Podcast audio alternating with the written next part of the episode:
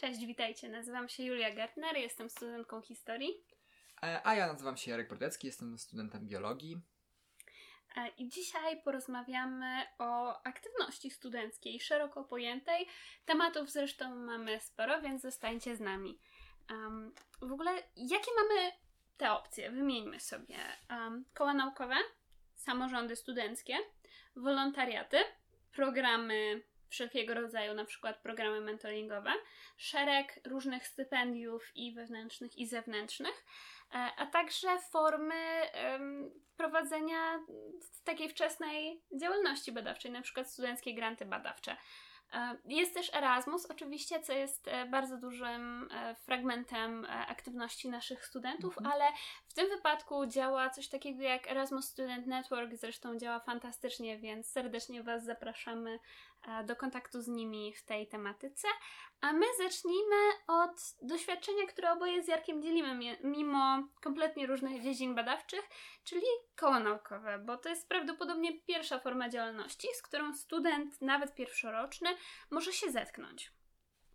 E, dokładnie tak. E, w przypadku na przykład Wydziału Biologii jest tak, że już na takim pierwszym, nazwijmy to zapoznawczym, technicznym spotkaniu przedstawione są w zasadzie wszystkie koła naukowe i sekcje kół naukowych, które, które są na naszym wydziale, tak żeby studenci już pierwszego roku e, mogli poznać, jaki jest zasób możliwości, bo studenckie koła naukowe to jest świetne miejsce do tego, żeby zacząć właśnie rozwijać się nie tylko czasami z nauką, ale także poznawać e, wiele e, znajomych, który, którzy potem będą gdzieś nam towarzyszyć e, w tym dalszym rozwoju naukowym, ale czasami to nawet nie jest kwestia tylko nauki, ale również angażowania się w działalność popularyzującą naukę, bo studenckie koła naukowe mają olbrzymi udział w wszelkiego rodzaju działaniach właśnie związanych z popularyzacją nauki. W przypadku Wydziału Biologii i Ochrony Środowiska to jest udział w takich wydarzeniach jak choćby Noc Biologów, e, czy e, w jakieś prowadzenie warsztatów w ramach e, festiwalu naukowego, który jest corocznie organizowany gdzieś w okolicach kwietnia i maja w Łodzi. Mm, dokładnie. Dodałabym od siebie i ze swojego doświadczenia w kole naukowym historyków, że organizujemy też całą masę atrakcji dla naszej e, społeczności, czy to uniwersyteckiej, czy nawet zdarzają się wydarzenia otwarte. No, my organizowaliśmy spotkania z różnymi autorami e, książek naukowych, popularnych, jakichś fajnych wydarzeń, cykle tematyczne, debaty, aż po konferencje studenckie, ale mające także zasięg krajowy czy międzynarodowy. E, więc ta możliwość w ogóle zdobycia doświadczenia, które później będzie nam potrzebne i w działaniach badawczych, jeśli na taką ścieżkę się zdecydujemy, i w przyszłej karierze, e, ta możliwość nauki jest ogromna, no bo chociażby organizacja takiej konferencji to jest mm, cała masa kwestii związanych z planowaniem eventów. To się może przydać chyba w każdej możliwej branży później. E, dodałabym jeszcze jedną rzecz o tych e, kontaktach międzynarodowych, konferencjach o zasięgu międzynarodowym. Bardzo wiele kół jest też e, podpiętych, ma jakieś znajomości z międzynarodowymi stowarzyszeniami studentów danej dziedziny. Ja miałam okazję przyglądać się i przez chwilę działać w Międzynarodowym Stowarzyszeniu Studentów Historii. I oprócz niesamowitych doświadczeń, bo to często jest możliwość podróży, poznania ludzi. To jest też fantastyczna okazja do networkingu e, i moją ulubioną historią z tym związaną jest to, że kiedyś dla kolegi z Łodzi szukaliśmy jakiegoś rodzaju źródła. E, odpaliliśmy wszystkie kontakty właśnie z tego międzynarodowego stowarzyszenia, więc szukali tegoż źródła ludzie od Belgii przez całą Europę po Bałkany. E, ostatecznie znalazło się nawet w dwóch egzemplarzach, bo jeden chyba znalazł się w Niemczech, drugi bodajże w Bułgarii. W każdym razie no, kolega dostał skany źródła, którego w Polsce chyba nie było, albo było jakoś bardzo trudno dostępne w przeciągu paru dni. E, jeśli to nie jest dobry dowód na to, że warto się zaangażować w koła naukowe i koła międzynarodowe, to przysięgam, że nie wiem, co nim jest. Koła naukowe to właśnie też miejsce prowadzenia czasami pierwszych projektów badawczych, dlatego że koła naukowe mogą ubiegać się o różnego rodzaju dotacje, e, choćby od e, prorektora do spraw studenckich, właśnie na prowadzenie jakichś takich wspólnych projektów badawczych, więc e, angażując się w działanie koła, możecie angażować się w bardzo ciekawe, czasami złożone projekty naukowe. No i właśnie to, co też Julka tutaj powiedziała, e, koła często współpracują e, ze sobą wzajemnie i często można włączyć się na przykład w jakiś projekt, który jest realizowany przez wiele kół jednocześnie. Tutaj mogę powiedzieć w przypadku nauk biologicznych i mojego wydziału, to wiele na przykład badań. Mm, ptaków e, czy jakichś innych zwierząt, na przykład właśnie są prowadzone przez wiele kół naukowych w Polsce jednocześnie, żebyśmy jakby rozszerzyli e, nasze pole zasięgu i dowiedzieli się czegoś więcej. Więc właśnie e, koła naukowe są świetnym miejscem, żeby gdzieś tam rozpoczynać swoją badawczą ścieżkę. Dokładnie. E, pozostając przy aktywności studenckiej, warto też wspomnieć o takich instytucjach jak e, samorządy studenckie. To są i wydziałowe rady samorządu studenckiego, i uczelniana rada samorządu studenckiego. Mm, one ze sobą oczywiście współpracują. Studenci mogą zresztą też brać udział w radach e, wydziałów jako no, przedstawiciele swojej grupy na tym uniwersytecie. I tutaj chciałabym, żeby to dobrze wybrzmiało i generalnie podkreślić, że warto się w to zaangażować, e, bo to jest kwestia takiej naszej trochę świadomości obywatelskiej, poczucia, że my jako studenci mamy głos na tym uniwersytecie i naprawdę wiele rzeczy można zdziałać. Zaczynając od właśnie e, takiego doświadczenia, jakie ja mam z mm, Rady Wydziałowej, gdzie jako przedstawicielka koła naukowego po prostu zdawałam e, taki mini raport. Jak robiliśmy coś fajnego, to mogliśmy się tym pochwalić na Radzie Wydziału. Wtedy dawaliśmy też znać pracownikom naszego wydziału, że tu coś się dzieje. Może warto się tym zainteresować, może warto nas wspomóc. Zawsze się to spotykało z ciepłym odbiorem i mam wrażenie, że cały czas kręcimy się wokół takiej kwestii podstawowej, czyli po prostu utrzymywania kontaktu ze swoim wydziałem, ze swoją społecznością na wydziale czy na uniwersytecie. Mm. Przejdźmy może teraz do trochę mniej ustrukturyzowanej, ale równie ciekawej opcji, jaką są e, wolontariaty. Tutaj sprawa jest trochę bardziej skomplikowana, wydaje mi się, no bo właśnie mniej ustrukturyzowane. E, czasami pojawiają się ad hoc w zależności od potrzeby.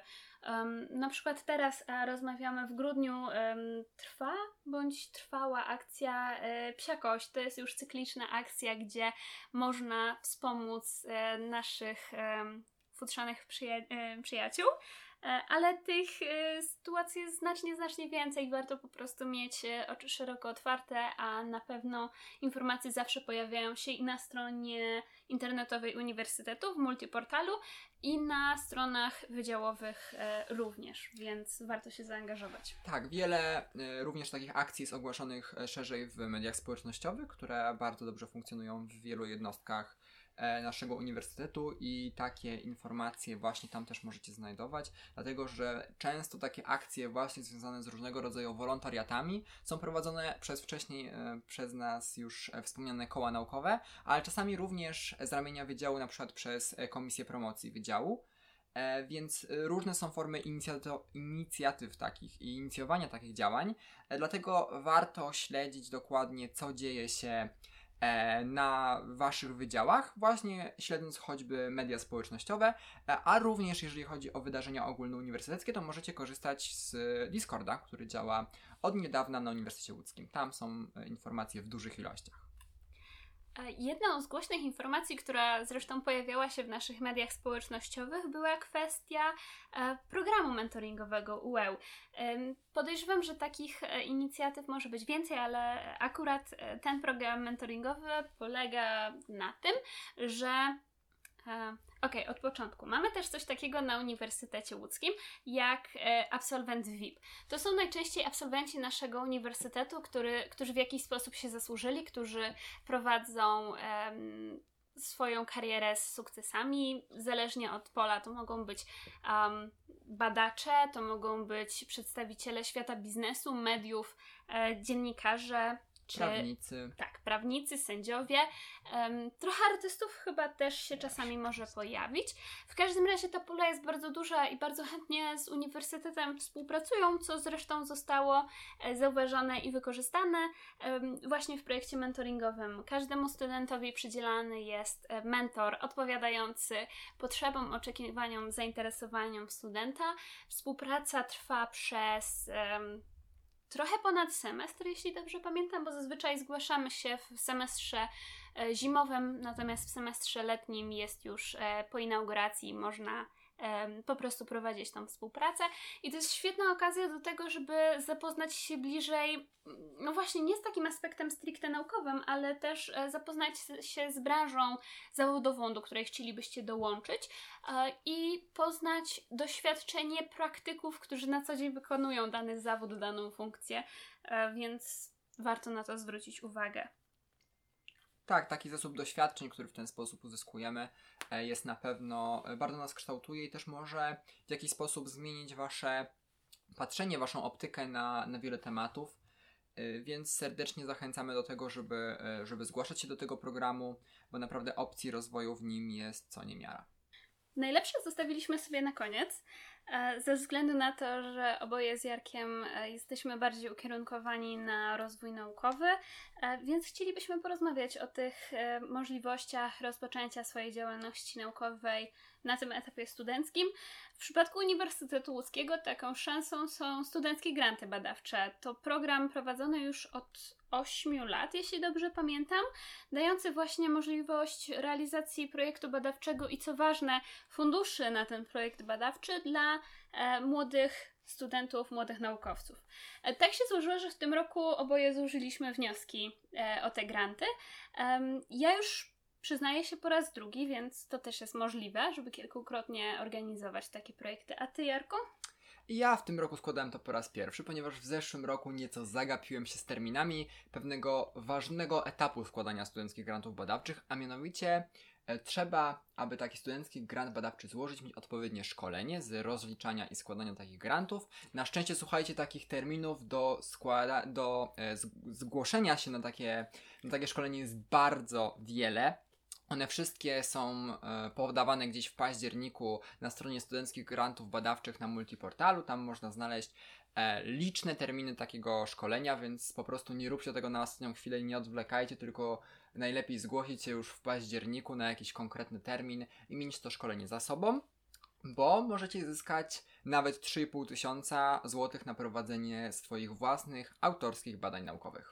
Może też dodajmy od razu, na co można wykorzystać te pieniądze, ponieważ e, do projektu, do kosztorysu można wpisać takie rzeczy jak sprzęt biurowy e, i tak jak w przypadku Jarka laboratoryjne, odczynniki, książki, dostęp do baz danych, na przykład, o których mówiliśmy zresztą e, poprzednim razem przy pisaniu prac dyplomowych, a także wyjazdy badawcze, czyli koszt e, dojazdu, biletów e, kolejowych, czy nawet noclegów na e, kwerendach czy na konferencjach naukowych, bo też warto pamiętać, że trzeba mieć od razu w głowie jakiś pomysł, jak chce się zaprezentować wyniki tych badań. W moim przypadku są to udziały w konferencjach. W przypadku Jarka jest to publikacja naukowa. Dokładnie. Tych opcji jest oczywiście jeszcze kilka, no ale to są kwestie, które na pewno zostaną powiedziane na szkoleniu, na którym warto się zapisać. Mm, a co jest potrzebne właściwie do złożenia takiego wniosku? On jest oczywiście dostępny, wszystkie linki są na multiportalu, jest też specjalny taki system e, do wypełniania wniosku, więc tego już od dawna się nie wypełnia papierowo. Zaczęłabym od tego, że warto mieć pomysł, co chce się robić. E, w mojej praktyce na przykład e, to jest w jakiś sposób skorelowane z um, pracą dyplomową, którą piszę. To może, um, znaczy inaczej, e, to nie może być fragment pracy um, dyplomowej, ale jakaś tematyka powiązana, wtedy łatwiej jest się jakby w ten temat wciągnąć, albo można zupełnie inaczej. Można potraktować ten studencki grant badawczy jako okazję, żeby zająć się czymś zupełnie innym. E, ale do tego, niezależnie jaką tematykę wybierzecie, warto też mieć pomysł na opiekuna naukowego, bo opiekun naukowy jest konieczny. On Wam nie tylko pomaga e, pisać e, i wniosek, i później realizować projekt, ale musi też najpierw się zgodzić na realizację pod jego opieką pod jego skrzydłami będziecie coś takiego organizować. Mm, może warto też dodać, że taki opiekun naukowy właśnie nie musi być waszym promotorem. E, może to być też okazja, żeby wypróbować e, pracę z różnymi pracownikami waszego wydziału. Tak, i y, opiekun naukowy to też jest ta osoba właśnie, do której będziecie zwracać się z różnymi wyzwaniami i wątpliwościami, bo dla wielu z Was pewnie będzie to w ogóle pierwsza sytuacja, kiedy będziecie e, składać swój e, swój wniosek o grant, a te granty są bardzo podobne, e, wnioski grantowe są bardzo podobne, są stworzone na wzór tego, jak składa się granty w instytucjach już takich krajowych i niektórych grantach międzynarodowych, więc w ramach studenckiego granta, grantu badawczego tą wiedzę, którą posiądziecie z pisania wniosku, a potem również z rozliczania grantu na pewno przydadzą Wam się w e, dalszej karierze naukowej, bo w ramach e, tworzenia studenckiego grantu badawczego już na sam początek będziecie musieli e, opisać cały swój plan badań, również stworzyć to w formie chromo, chronologicznej. chronologicznej. Czyli po prostu w jakiej kolejności, w jakim terminie będziecie dane etapy projektu wykonywać. Um, Warto też wiedzieć, jakimi metami, metodami będziecie się posługiwać. E, czy to będą metody badań jakościowych, ilościowych, czy będziecie jakieś doświadczenia prowadzić, jakiego typu źródeł potrzebujecie, ale mm, tam jest jeszcze taki jeden e, fragment, który wiem, że zawsze płoszy e, studentów, którzy pierwszy raz do tego mhm. podchodzą. Chodzi mi o doświadczenie naukowe. Taka rubryka jest, jeśli na przykład działaliście wcześniej w kole naukowym, braliście udział w jakiejś dyskusji, w jakiejś konferencji, fajnie to wpisać i fajnie dołączyć też skan certyfikatu, dyplomu, potwierdzenia, że w tym braliście udział, ale to nie jest konieczne. Właśnie całym sensem studenckich grantów badawczych jest to, żeby zagwarantować Wam pierwszą e, możliwość do zdobycia jakiegoś e, doświadczenia naukowego, więc tą rubryką się nie przejmujcie. Wiesz co, Jarku, jeszcze na chwilę musimy wtrącić jedną rzecz, która zmieniła się w przypadku -hmm. tegorocznej edycji um, przy rekrutacji. Mianowicie został wprowadzony też taki mechanizm, że jeśli dany wniosek zostanie oceniony tuż poniżej progu, oczywiście musi być jakiś próg punktowy, to e, kandydaci właśnie, którzy znaleźli się tuż poniżej progu, mogą być też zaproszeni do wygłoszenia takiego krótkiego wystąpienia, które znamy z formatu doktorat w 3 minuty, mm -hmm. czyli mhm. macie określoną ilość czasu, żeby zaprezentować komisji, dlaczego wasz projekt tak czy siak jest wart uwagi, dlaczego jednak powinniście się znaleźć um, w gronie studentów biorących udział w projekcie. E, mi się osobiście bardzo ta praktyka podoba i szczerze mówiąc nie mogę się doczekać, żeby zobaczyć jak to zostanie zrealizowane. E, tak, bo to też jest takie doświadczenie z popularyzacją poniekąd e, nauki swojego własnego projektu, e, który jest coraz istotniejszy w wszelkiego rodzaju badań i między innymi dlatego również częścią wniosku do studenckich grantów badawczych jest choćby napisanie takiego właśnie popularno-naukowego opisu swoich badań, co też już jest w zasadzie no takim międzynarodowym standardem prowadzenia w tej chwili badań naukowych, żeby tą wiedzę, którą uzyskujemy w tych laboratoriach, piwnicach i różnych dziwnych miejscach, bibliotekach i nie wiadomo gdzie jeszcze, upowszechniać dla wszystkich zainteresowanych. Dokładnie. Może y, warto też wspomnieć o jeszcze jednym mechanizmie zaczerpniętym zresztą z takich już pełnoformatowych grantów, czyli jak one są oceniane, bo fajnie przynajmniej dla mnie jest wiedzieć w jaki sposób y, dalej ten wniosek jest traktowany. Jest taki mechanizm jak podwójna ślepa, czyli e, i my Recenzja jako składający. Y, tak, dokładnie. I my jako składający wniosek nie wiemy, kto nam to recenzuje, i recenzent e, nie wie, czyj wniosek recenzuje. Oczywiście ma dostęp do samej zawartości merytorycznej, no ale właśnie w celu uniknięcia jakichkolwiek ewentualnych naruszeń e, stosuje się ten mechanizm, że nie wiemy, kto nam recenzuje i kogo recenzujemy. Co więcej, recenzent zawsze jest e, z innego, e, z innej jednostki, innego zakładu bądź katedry niż osoba, która jest naszym opiekunem pracy, też właśnie, żeby ta recenzja była jak najbardziej obiektywna.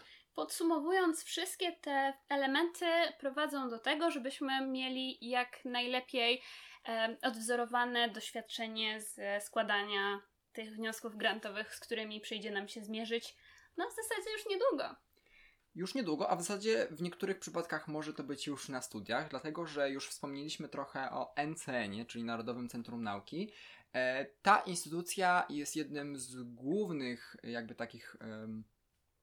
Instytucji, która finansuje naukę w Polsce i między innymi jest taki program o nazwie Preludium, który umożliwia już finansowanie badań nie tylko doktorantom, doktorom czy e, osobom z tytułami i stopniami, ale również i studentom. I właśnie takim programem jest program Preludium, e, w którym można zyskać już naprawdę e, bardzo duże finansowanie na własne projekty badawcze. Jak widzicie, Jarek już e, wybiega w przyszłość e, bardziej niż ja. Mm, na chwilę bym wróciła jeszcze do tego, żeby zamknąć e, temat studenckiego grantu badawczego, bo omówiliśmy sobie, jak składa się wniosek, jak ten wniosek jest rozpatrywany.